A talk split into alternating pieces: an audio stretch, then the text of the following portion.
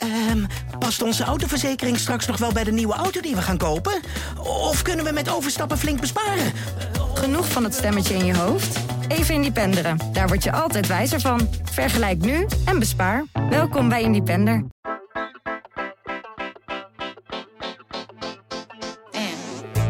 Een carrière waar je gelukkig van wordt, gaat niet alleen over zoveel mogelijk uren maken of steeds hoger opkomen. We zijn allemaal op zoek naar de balans tussen werk en privé.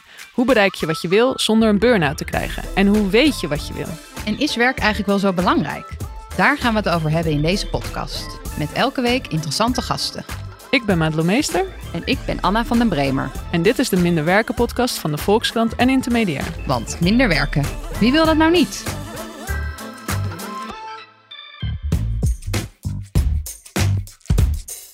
In deze aflevering gaan we praten over hoe je meer plezier kan vinden in je werk. Hoe zorg je er nou voor dat je je baan niet alleen als werk ziet, maar ook als iets waar je energie en voldoening uithaalt? En hoe ontwikkel je je carrière in een richting waar je blij en gelukkig van wordt? Ja, daar gaan we het over hebben met psycholoog, schrijver en geluksonderzoeker Ad Bergsma. Hij schreef onder meer het handboek Werkgeluk, waarin meer dan 20 experts hun visie op uh, werkgeluk delen. En dan hebben we nog ondernemer Wiro Kuipers. Hij is verbonden aan het Enschede Lab van onder meer Universiteit uh, Twente. En Wiro is gespecialiseerd in spelend werken, dus daar gaan we het straks uh, over hebben. Um, Anna, ik ben allereerst wel even benieuwd. Ben jij eigenlijk blij met je carrière? Ja, ja? ik ben wel uh, momenteel heel blij met mijn werk. Um, maar als ik terugkijk, uh, ja, er zijn ook heus wel momenten geweest in mijn carrière dat ik minder blij was. Waar lag het aan?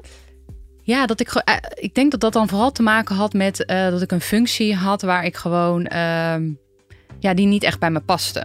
Dus dat ik me meer een soort van poppetje voelde die iets moest doen wat anderen bedachten. En ik merk wel van hoe meer vrijheid ik krijg in mijn baan. Dus iemand niet me op de vingers kijkt. En dat er ruimte is ook om eigen ideeën te opperen en uit te werken, hoe blijer ik word. Ja. En jij? Uh, ja, ik heb eigenlijk wel hetzelfde als jij. Ik ben ook uh, heel blij met wat ik doe. Ik kan er mijn nieuwsgierigheid in kwijt en interessante mensen spreken en zo. Um, maar inderdaad ook wel periodes minder blij geweest. En dat heeft vooral te maken met dat we een beroep doen wat best wel zichtbaar is. Dus waardoor je je ook heel goed kunt vergelijken met anderen. En waardoor je ook snel het idee kunt hebben dat anderen het beter doen dan jij. En tegelijkertijd vind ik die zichtbaarheid ook leuk. Want op het moment dat je iets gemaakt hebt waar je trots op bent, dan ziet ook iedereen dat het van jou is. Dus dat, dat is soms wel een, een maar je worsteling. Je voelde je onzeker als je vergeleek met, met collega's of ja, mensen om je heen. In bepaalde periodes, ja. Ja. ja. En uh, even ook de vraag aan, uh, aan onze gast hier, Ad en Wiro. Hoe um, kunnen jullie één voorbeeld noemen hoe jullie nou zelf voor meer plezier in je werk zorgen? Als ik denk aan carrière, dan, dan is het iets wat vooruit gaat. Terwijl als we het erover hebben, dan gaat het altijd over wat we al hebben meegemaakt. Mm -hmm. uh, en als ik kijk naar wat, wat mijn carrière tot nu toe heeft gekleurd, waren de momenten waarop ik uh, onverwachts iets heel tofs meemaakte, waar ik jaren later nog over vertelde, waar eigenlijk de momenten die ik niet bewust had gepland als carrière momenten. Dus voor mij zit heel erg uh, in verrassing en in verrassende mensen ontmoeten. En op plekken terechtkomen waar je eigenlijk niet wist uh, uh, wat, daar, wat daar te halen was. Yeah. Dat zijn achteraf de meest bepalende momenten geweest in, uh, in hoe ik mijn werkplezier heb ervaren. Ja. En hoe is dat voor jou, Ad? Ja, ik zat me net af te vragen of ik überhaupt wel een carrière heb. Ik heb, ben journalist geweest, ik ben vertaler geweest, ik ben docent geweest, ik ben onderzoeker geweest. ik werk nu in de ouderenzorg. ik doe van alles en dat vind ik heel erg leuk. Maar of het nou het is heel erg een zigzagpad in ieder geval. En voor mijn gevoel zit heel veel samenhang in. Maar dat het een rechte lijn omhoog is en dat het een carrière is die ergens uitkomt, nee. En hoe vind je plezier in, in nou ja, de werkzaamheden die je, die je allemaal noemde net? Ja, het fijnste is, uh, ik vind het heel fijn om nieuwe dingen te doen. Dus dingen te proberen uh, die ik nog niet kende. Dus, dus dat, dat geeft een stukje onrust. Wat net ook al gezegd werd, mensen ontmoeten. Als je journalist bent, mag je alles vragen aan mensen. En die geven ook, vinden het ook nog leuk om antwoord te geven. Uh, dat, uh, als psycholoog trouwens ook. Uh, dus dat vind ik heel erg prettig. Ik weet eigenlijk niet zo goed het antwoord. Zo van, is, er zit in ieder geval niet heel, heel veel koers in. Er zit niet heel veel duidelijkheid in. En wat ik dan ook gelijk denk. Is dat misschien een goede, goede les meteen? Dat we, ja. dat, nou, dat we die koers ook niet, niet ja, nodig hebben, maar dat je. Ja, dat en we gewoon we hebben ik denk ook dat je dingen kan missen. Wat jij ook zegt, je moet ervoor openstaan. Als je te veel vasthoudt aan een soort carrièreplan of ik wil dit bereiken, dat je misschien ook heel veel potentiële verrassingen niet eens de kans geeft. Ja.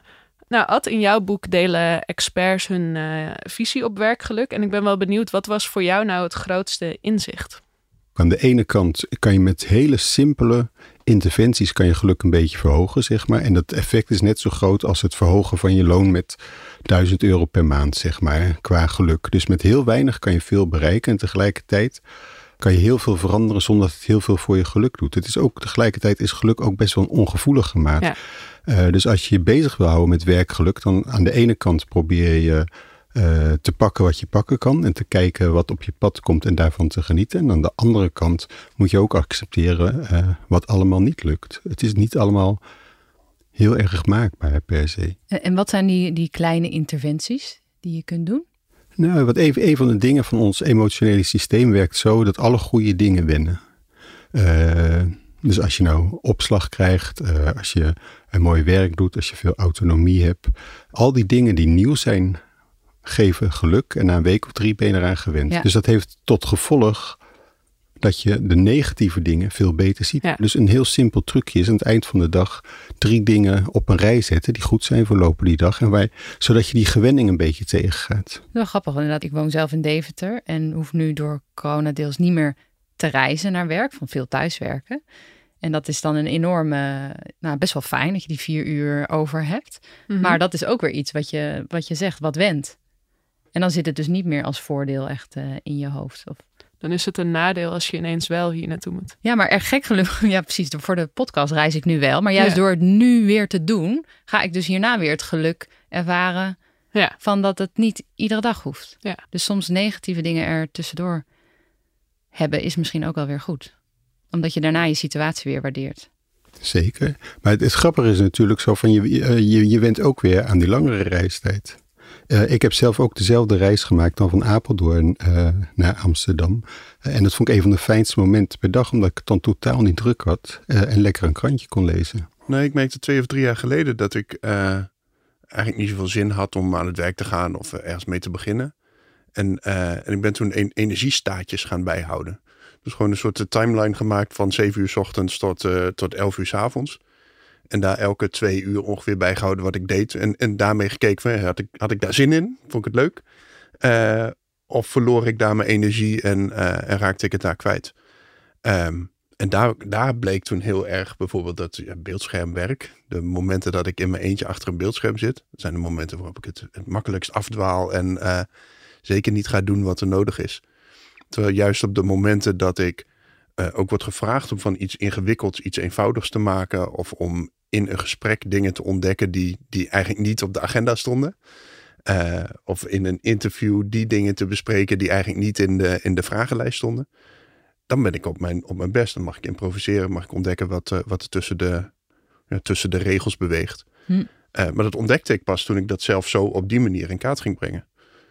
Dus dat is ook een manier om, ja, om te kijken, gaat gaat mijn energie wel naar de goede dingen? En waar Ja. verlies Ja. ik het eigenlijk? Ja. Maar zijn er bepaalde aspecten, zeg maar algemeen geldende aspecten, die je in je, in je werk moet hebben om überhaupt werkgeluk eh, te ervaren? Wat, wat weten we daar, daarover uit onderzoek?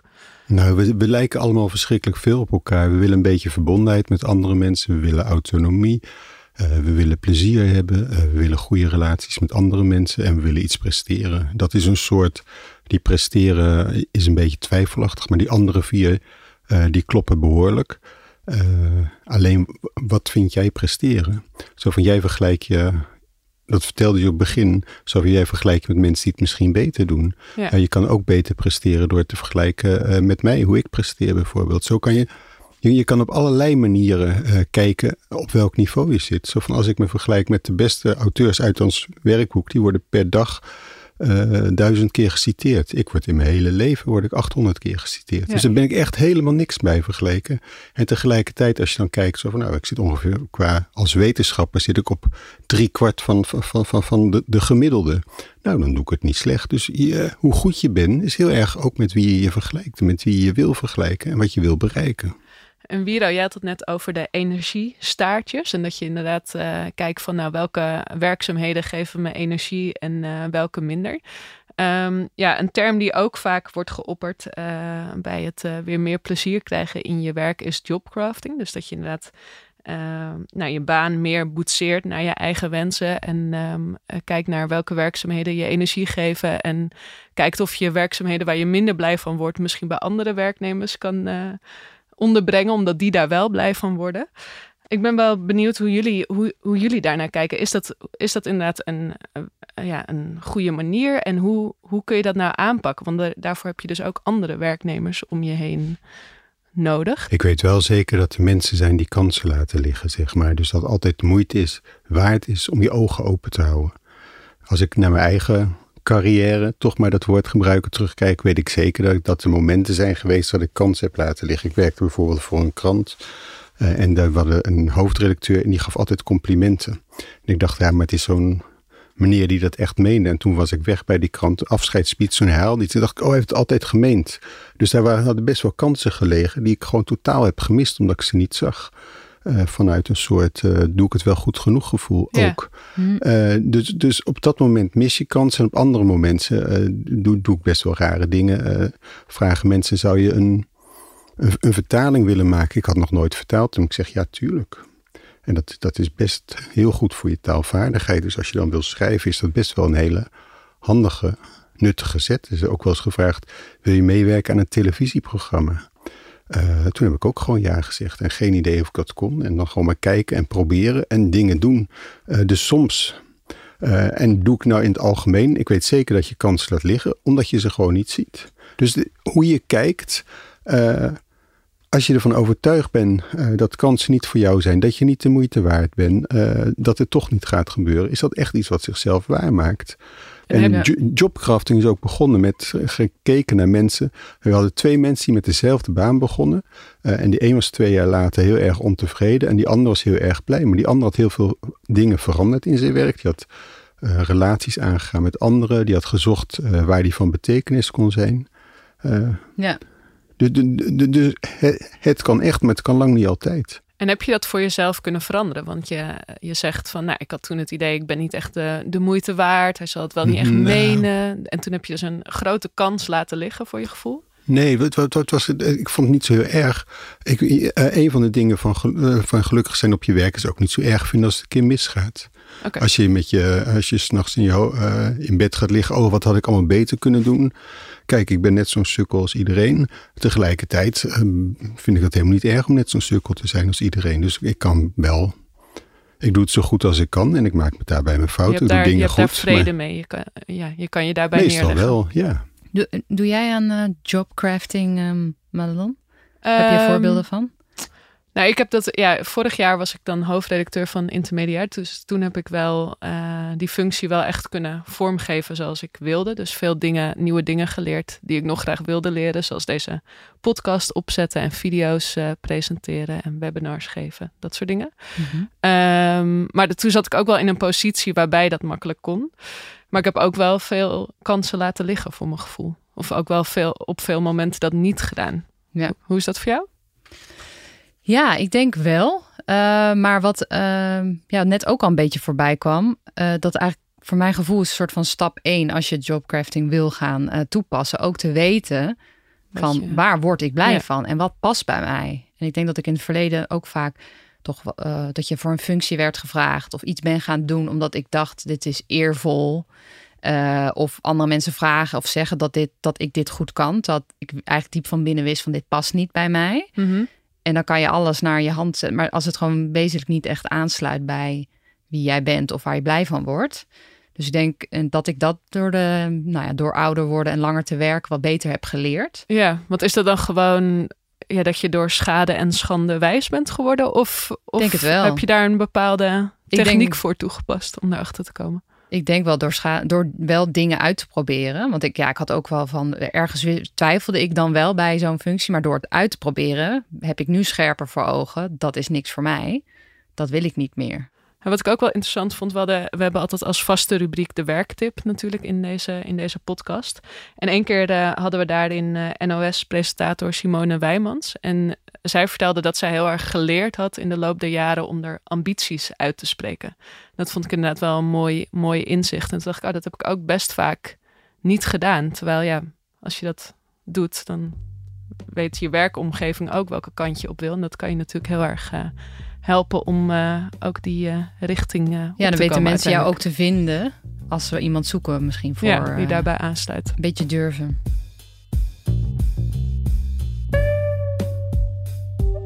Elke maand bellen we met een bekend persoon om zijn of haar werkles te horen. En deze keer is dat schrijver Giet op de Beek. En zij vertelt ons wat je in je achterhoofd moet houden als iemand je feedback of kritiek geeft. Ik was uh, van het debuut naar het tweede boek heel onzeker. Omdat natuurlijk iedereen zegt, oh, het gevreesde tweede boek, dat is altijd slecht, zoals de tweede plaat van alle goede rockgroepen ook slecht is. En misschien ben je wel een eendagsvlieg en dat zijn dan allemaal dingen die mensen tegenkomen zeggen, dus dan krijg je er zelf ook schrik van. En uh, toen heb ik dus effectief, ik weet het niet meer juist hoeveel, zes, zeven, acht mensen denk ik, uh, om advies gevraagd. En het probleem met advies is natuurlijk, of met feedback op je boek, is dat mensen er onontkoombaar altijd ook met zichzelf tussen zitten. En wat ze zeggen, heeft dus altijd ook met hen te maken. Nou, die moederfiguur vind ik toch dit en dat en dat. Ja, dan moet je wel snappen dat die persoon zelf met haar moeder in de knoop zit en zo en zo. En dat dat niet per se daarom zo vreselijk relevant is voor jouw verhaal en wat jij probeert te doen. En dat is allemaal niet zo erg als dat een overzichtelijk aantal mensen is, met een overzichtelijk aantal ideeën. Maar als je dat van zeven, acht mensen krijgt, raak je om een duur alleen maar in de war. Dat is een van de meest waardevolle inzichten over menselijke interactie die ik ooit heb gehad. De ander zit er in bijna alle gevallen keihard met zichzelf tussen. En dan moet je gewoon weten dat het vaak interessanter is als revelatie over de persoon met wie je spreekt, dan over jouw probleem of issue of verhaal of, of wat het ook mogen zijn. En dat is op zich misschien niet per se erg als je gewoon heel erg geïnteresseerd bent in die andere persoon. Maar ik denk van als je echt waardevol advies zoekt, zoek dan die ene vriend die even zijn eigen onzin kan loslaten en echt met jou meedenken. Dat is een zeldzaam goed, heb ik ontdekt.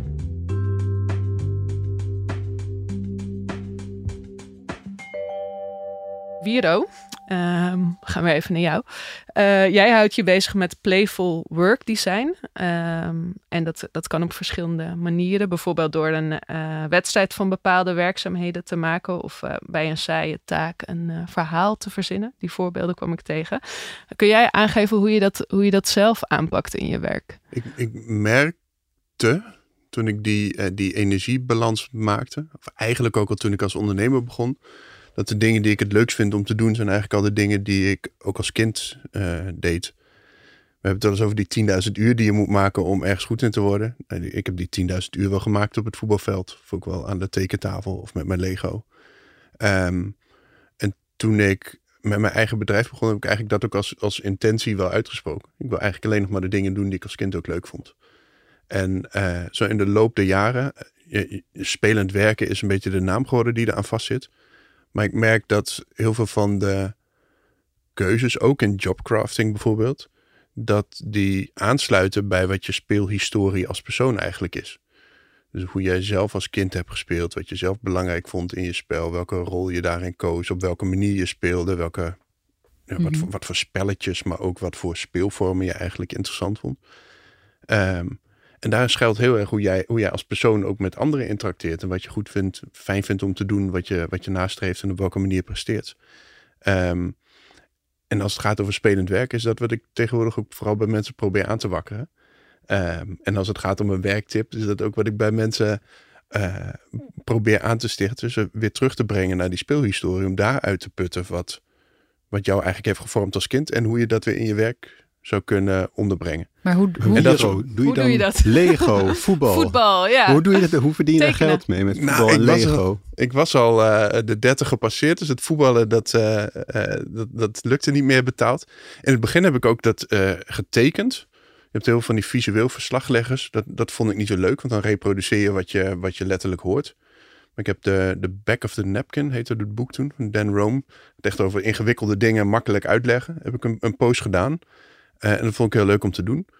Uh, maar op een gegeven moment kwam ik iemand tegen bij een conferentie in Duitsland. Die vertelde dat hij dat werk wat ik ongeveer deed, dat hij dat deed met Lego.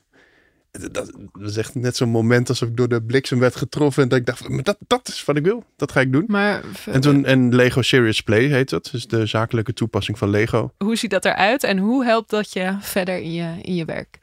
Eh, Het ziet eruit als gewoon Lego. Het lijkt wel speelgoed. Sterker nog, dat is het ook. Mhm. Eh, alleen de mensen die ermee werken zijn geen kinderen, maar volwassenen. Eh, begeleid door iemand zoals mij.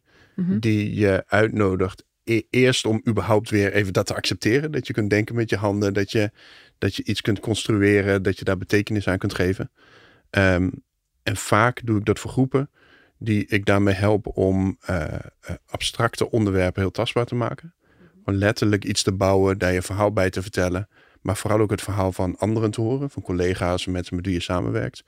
En, dat kan gaan over de manier waarop je als team werkt. Kan gaan over jezelf, over je eigen inbreng, over je waarden. eh, maar ook over eh, hele strategische positioneringen, over eh, scenario's. Over alles wat ingewikkeld is en waar we altijd een eigen beeld bij hebben, maar dat nooit eh, per se uitspreken. En dan ga je dat dus met Lego een soort van die situatie misschien Naspelen. bouwen en naspelen, waardoor je inzichten krijgt. Lego is het tastbare hulpmiddel om iedereen, eh, om, om de beelden van alle deelnemers te horen en te komen tot een gezamenlijk begrip.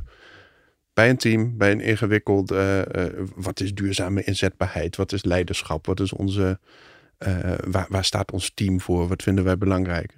Tot aan waar staan we eigenlijk als organisatie in dit speelveld en hoe zouden we omgaan met een gebeurtenis die zich daar afspeelt? Ik heb ook een keertje zo'n Lego-sessie gedaan. Oh, echt? Eh, ja, serieus. Eh, en het voorbeeld wat toen werd gegeven, toen moesten we een eentje maken met, ik dacht, zes blokjes. Eh, en toen, ja, je was met tien man, die maakten allemaal een eentje. En met zes blokjes, hoeveel verschillende kan je maken? Nou, we hadden tien verschillende eentjes gemaakt. Je kon bij alle tien zien dat het een eentje was. Terwijl je denkt, het is allemaal hetzelfde. Maar hoeveel variatie daarin is. Dat was echt een heel beeldend en krachtige metafoor, gek genoeg. Terwijl ik wel, eh, als ik naar jou luister, denk ik weer aan toen we ermee moesten beginnen. Zo van, kom, we gaan met Lego wat doen. Ach, doe even normaal. Dus dat is de eerste gedachte was dat voor mij. Maar Ja. eh, het leuke is natuurlijk toch dat je iets ziet, omdat je op een andere. eh, Zo van ons hoofd is heel erg gewerkt op, die, op een automatische piloot. En nu moet je ineens een, een stapje van opzij aanvliegen. En dat biedt toch eh, een manier om weer eens naar jezelf te kijken en naar de wereld. En vanuit die frisheid. Het, het helpt tot je om de frisheid te bouwen. Klopt dat? En, Zo heb ik het ervaren, Zo'n oefening met die eentjes werkt in ieder geval om te ervaren dat iedereen in een ruimte een ander perspectief kan hebben op dezelfde soort opdracht of op hetzelfde soort begrip. En ik gebruik wel eens twee grote transparant blauwe Duplo Die zet ik op elkaar of hou ik naast elkaar om mensen te vragen van hoe, hoe illustreren deze twee blokken de relatie die ik heb met mijn schoonmoeder, denken jullie? En is de ene Kijk. persoon die ziet het als een, een transparante, solide relatie waar, waar je op elkaar kunt bouwen. En iemand anders ziet iets hoekigs, Verstikkend. ijzigs, ehm, wat, eh, wat niet met elkaar te rijmen is. En nog zeven schoonzonen waar ze ook niet mee uit de voeten kan. en dat is pre- precies de... Maar als, als iedereen zo met verschillende beelden aan tafel zit en je, maar je bent ervan overtuigd dat een andere persoon precies hetzelfde beeld heeft als jij bij een ingewikkeld begrip. Dat is, dat is precies waar we langs elkaar heen praten in organisaties. Maar dat wat Ad eh, eh, zegt, dat komt denk ik heel vaak voor. Dat mensen dan in het begin wel sceptisch zijn om ineens te gaan spelen met Lego. Zeker als, eh, als we een wat oudere generatie zijn met, met stroptassen en colberts aan. Dat is vaak de, eh, de doelgroep die het meest lastig vindt om te beginnen. Ja, En tegelijkertijd, ik, ik begin al mijn workshops met, met zo'n drie kwartier e- even weer dat in de vingers krijgen. En ik vraag ze om in ieder geval daarbij te blijven. En, eh, en als ze dat niet leuk vinden, om dan vooral weg te gaan. Dus om het proces niet te verstoren. Eh, maar, maar vaak zijn dat de mensen die daarna geen stropdas meer om hebben. En met, met rode wangen en opgestroopte mouwen aan het eind eh, eh, staan te verkondigen wat voor moois er allemaal is gebouwd. Dus houden ze dat ook vast? Want jij zegt inderdaad van, nou, we moeten meer een soort speelbril eh, opzetten als we aan het werk zijn. Maar ja, ik vraag me dan af, hoe, hoe zorg je ervoor dat je dat, dat je dat kunt en dat je dat doet? Later als er geen Lego meer is, maar gewoon op de Ja. werkvloer. Ja. Maar spelen in het werk, dat is de, de meest lastige. Want Ja. Daar gaat het om met een speelse mindset kijken en eh, misschien wel een, een andere route over de, over de kantoorvloer lopen om je koffie te gaan halen of eh, op een andere manier in een overleg te gaan zitten. Ja, dat, dat is dan ook meer naast het werk, toch? Dus inderdaad, eh, als je een andere route gaat lopen naar het koffieapparaat, dan ben je nog steeds niet spelend in je werk. Ik vraag me af, als je bijvoorbeeld bedrijfsjurist bent, wat best wel droog, uh, een droog beroep is. Bij tikkeltjes hmm, maar dat heb je, heb je, je bent zelf zeker geen bedrijfsjurist. Ik ben zelf geen bedrijfsjurist. Er zijn een paar luisteraars heel beledigd waarschijnlijk, de bedrijfsjuristen. Uh, nou, ik noem maar even iets. Maar hoe, hoe ja, voeg je dat spelen dan toe aan je werkzaamheden? Het, het, kan op die manier, zoals ik het zo net zei. Dus wel uh, bij de koffieautomaat, de momenten tussendoor, bij de vergaderingen. Maar ook de manier waarop jij zelf je, je stukken opbouwt. Je, of je die visueel maakt en met de hand uitschrijft of wat dan ook. Maar het zit hem vooral ook in, het zit hem niet per se in die functie van die bedrijfsjurist. Uh, het zit hem daar misschien ook wel in, nou, ik, ik noem even die speelhistorie. Als zo'n bedrijfsjurist het vroeger al heerlijk vond om dingen op kleur te sorteren, uh, of uh, misschien wel gedichten te schrijven, dingen die helemaal kloppen, dingen te nummeren, te, te ordenen en te zorgen dat ze kloppen. Dan kan dat voor zo'n persoon spelen zijn, terwijl dat voor ons hier aan tafel misschien wel helemaal geen spelen. Voor, jou kan dat misschien wel het ultieme voelen als werk zijn. Dus per persoon kan heel erg verschillen wat voor jou spelen is, waar je energie van krijgt, waar waar je blij van wordt in je werk. Nee, dat is natuurlijk zo, dat, dat de een helemaal is weggelegd voor een bepaald beroep en de ander niet. Maar op het moment dat je je werk dus juist niet zo leuk vindt en denkt van nou, ik, ik wil weer meer plezier uit mijn werk halen, moeten we niet gewoon accepteren dat werk werk is en dat het eigenlijk helemaal niet zo leuk is? Altijd. Nou ja, dat helpt af en toe. Zo van, je, je, uh, je hebt eigenlijk twee soorten mensen. Je hebt mensen die voor de hypotheek werken ja. of voor de, uh, voor de vakantie en die werk wezenlijk onbelangrijk vinden. En je, je, je, begint om negen uur en je wil om vijf uur weg. En dan, wat, wat dan belangrijk is in, in je werk, is om te zorgen uh, dat je om één minuut over vijf buiten staat. Ja. Er zijn mensen die dat heel prettig vinden en die dat prima vinden. En die ondertussen de, de, de speelsheid op een werk is, is de dingen die ze onderling verzinnen, de praatjes die ze hebben, maar niet het werken zelf. Ik, ik zie daar niet zo heel veel bezwaar tegen. Het is niet zo dat werk de basisvervulling van je leven moet zijn. Ja. Op ons sterfbed zijn er echt maar heel weinig mensen die denken: Goh, had ik maar meer tijd in een kantoortje gezeten. Dat, ja. dat zijn niet de meest wezenlijke dingen. En voor mensen voor wie het werk niet zo belangrijk is. Maar dat, die... Dat vind ik altijd zo. Dat is inderdaad een beetje zo'n uitspraak die je vaak hoort. Op sterfbed zegt niemand had ik maar meer op kantoor gezeten. Maar ik denk dat er heel veel mensen zeggen had ik maar meer. Uh, ja, had ik maar er meer uitgehaald. Had ik mezelf maar meer ontwikkeld. Had ik maar nieuwe dingen gedurfd. Had ik maar. Uh... Nou ja, zo van wat, wat mij altijd heel erg geruststelt. Zo van, ik heb heel veel verschillende dingen geprobeerd. En zo van, je hebt, mensen hebben meestal geen spijt achteraf van de dingen die je geprobeerd hebt en die mislukken. En ze hebben wel spijt van dingen die ze niet geprobeerd hebben. Uh, en waardoor ze zichzelf die kans niet hebben gegeven. Uh, de, de, dus ga erop uit. Uh, kijk welke kansen zich aandienen. Ja. Probeer het gewoon. Maar vond ik wel interessant wat, wat Manon net zei. Dat ik wel het idee heb dat we nou ja, tamelijk geobsedeerd zijn met het thema werkgeluk. Van, hè, dat heel veel mensen toch uh, werk als best wel, ikzelf ook, als een wezenlijk onderdeel van hun identiteit uh, zien. En natuurlijk, je hebt ook de groep die dat niet heeft, maar je hebt de groep ook die dat wel uh, zo voelt. Je zou ook kunnen zeggen, moeten we, moet juist, moeten we niet werk wat minder belangrijk maken? Nee, waarom? Uh, als jij heel blij bent met wat je doet, dus uh, wat je wel moet realiseren als je werk zo belangrijk vindt, dan is het wel een risico. Ja, tegelijkertijd neemt het ook een druk met zich mee. Als, als werk zo belangrijk is. We hebben het eerder een keer in deze podcast gehad over een ambitieloos leven. En of we daar niet gelukkiger van worden. Um, dus minder bezig zijn met presteren en nou ja, alle, alle druk die daarbij komt kijken. En dat vond ik eigenlijk wel, ook wel heel inspirerend. Ik ben wel benieuwd hoe jullie daar de, tegenaan kijken. Ja, ik vind echt dat, je, dat we met elkaar moeten leren om dingen en ambitieloos te doen en ambitieus tegelijkertijd te zijn. Zo van, ik zie echt niet in wat er verkeerd is aan ambitie om iets proberen te bereiken. Maar je moet en proberen iets te bereiken. Uh, en het niet erg vinden als het niet lukt. Dus zo van Loesje, de grote filosoof, die zei: streef onbekommerd naar het ideale. Uh, en juist die, zo, waarom zou het niet prachtig en geweldig maken? En waarom zou het nou erg zijn als het niet lukt?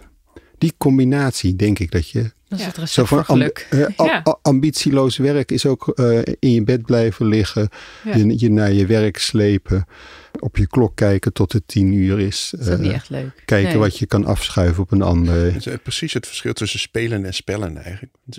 Bij spelen gaat het om jezelf gekozen ambitie. En dat is veel leuker om aan te werken dan wanneer er een opgelegde doel of een opgelegde gewenste prestatie is waar je aan moet voldoen.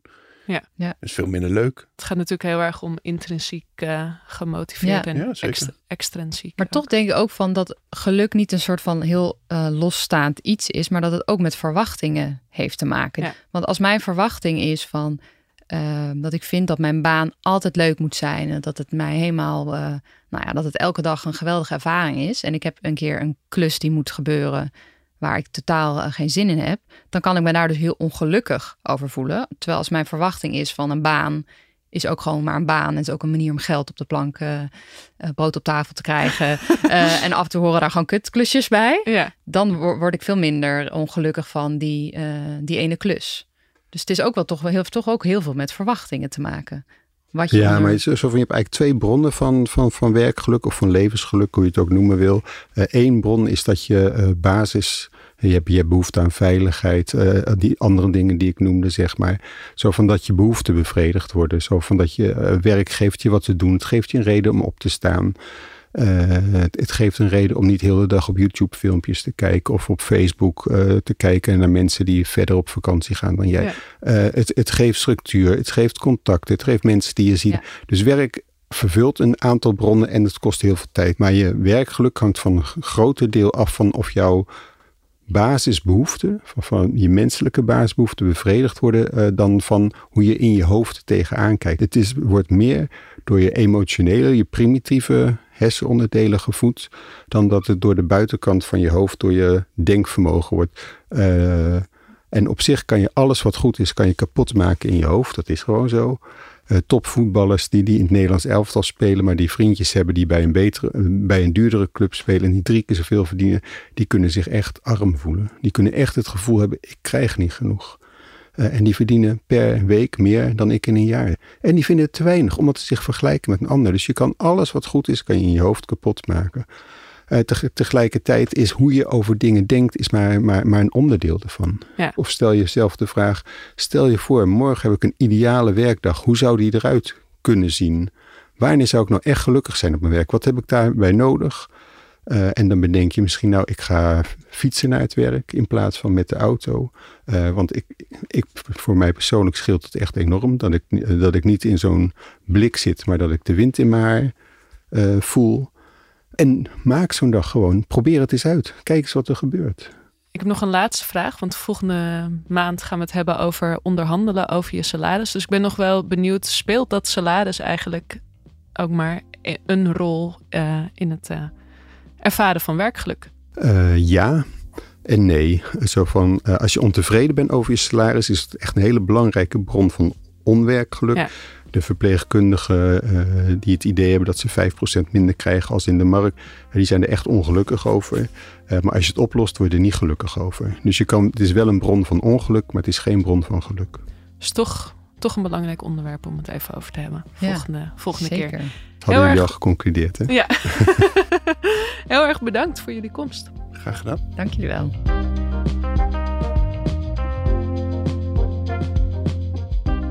Dit was de Minder Werken podcast van deze maand. Volgende keer gaan we het hebben over geld. Hoe pak je het onderhandelen aan op de werkvloer? Of je nou ZZP'er bent en een nieuwe opdrachtgever moet overtuigen van je waarde, of iemand in loondienst die een salarisverhoging wil. En vond je dit nou een leuke podcast? Dan horen we dat graag. Geef het door of laat een recensie achter in de podcast-app, zodat andere mensen ons ook goed kunnen vinden. Bedankt voor het luisteren. Ehm, past onze autoverzekering straks nog wel bij de nieuwe auto die we gaan kopen? Of kunnen we met overstappen flink besparen? Genoeg van het stemmetje in je hoofd? Even Independeren. Daar word je altijd wijzer van. Vergelijk nu en bespaar. Welkom bij Independer.